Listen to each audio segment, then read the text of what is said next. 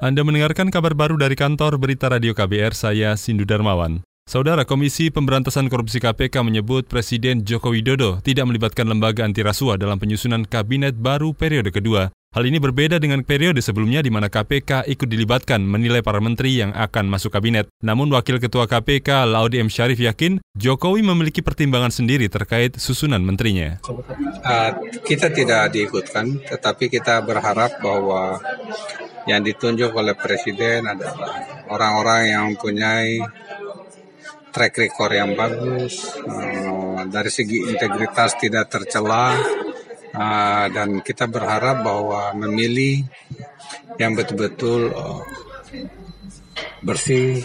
Laude M. Syarif menegaskan KPK siap memberikan masukan jika Presiden mengikut sertakan lembaga anti rasuah itu dalam pemilihan menteri. Laude M. Syarif berharap nama-nama yang dipilih Jokowi adalah nama-nama yang memiliki rekam jejak yang baik dan tidak terlibat korupsi. Saudara, menurut rencana Presiden dan Wakil Presiden terpilih, Jokowi Maruf Amin akan mengumumkan kabinet baru setelah pelantikan. Pelantikan Presiden dan Wakil Presiden diagendakan 20 Oktober mendatang di gedung DPR MPR. Kementerian Kelautan dan Perikanan KKP bekerjasama dengan Interpol untuk mencegah pemancing ilegal melintasi Indonesia. Kerjasama itu dibahas hari ini dalam pertemuan dengan Interpol dan KKP. Menteri Kelautan dan Perikanan Susi Pujiastuti mengatakan pertemuan itu terkait kasus dua kapal asing pencuri ikan bermodus pemancing ilegal lintas negara. Kedua kalinya kita menyelenggarakan ini bersama Interpol. Yang pertama diselenggarakan bulan Juli membahas kasus STS 50 yang mana pada saat itu juga dihadiri Mozambik, New Zealand dan Amerika Serikat. Kali ini Indonesia dan Interpol untuk membahas STS 50 dan MV Nika dengan mengundang negara-negara yang terkait dengan kasus tersebut. Menteri Kelautan dan Perikanan Susi Pujiastuti mengklaim pemerintah Indonesia telah menegakkan hukum atas kedua kapal tersebut yang memiliki nomor lambung STS 50 dan MV Nika. Saudara sebelumnya dua kapal jumbo buruan Interpol STS-50 dan MV Nika berhasil ditangkap Satgas 115 di perairan Indonesia. STS-50 kedapatan memiliki delapan bendera, yakni Sierra Leone, Togo, Kamboja, Korea Selatan, Jepang, Mikronesia, Filipina, dan Namibia. Kita beralih ke soal lain.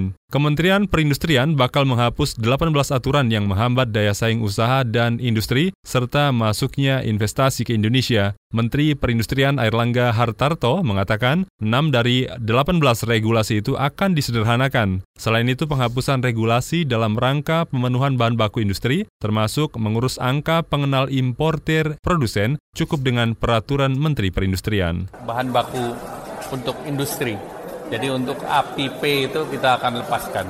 Nah itu cukup dengan permen perin ya. Cukup dengan permen perin.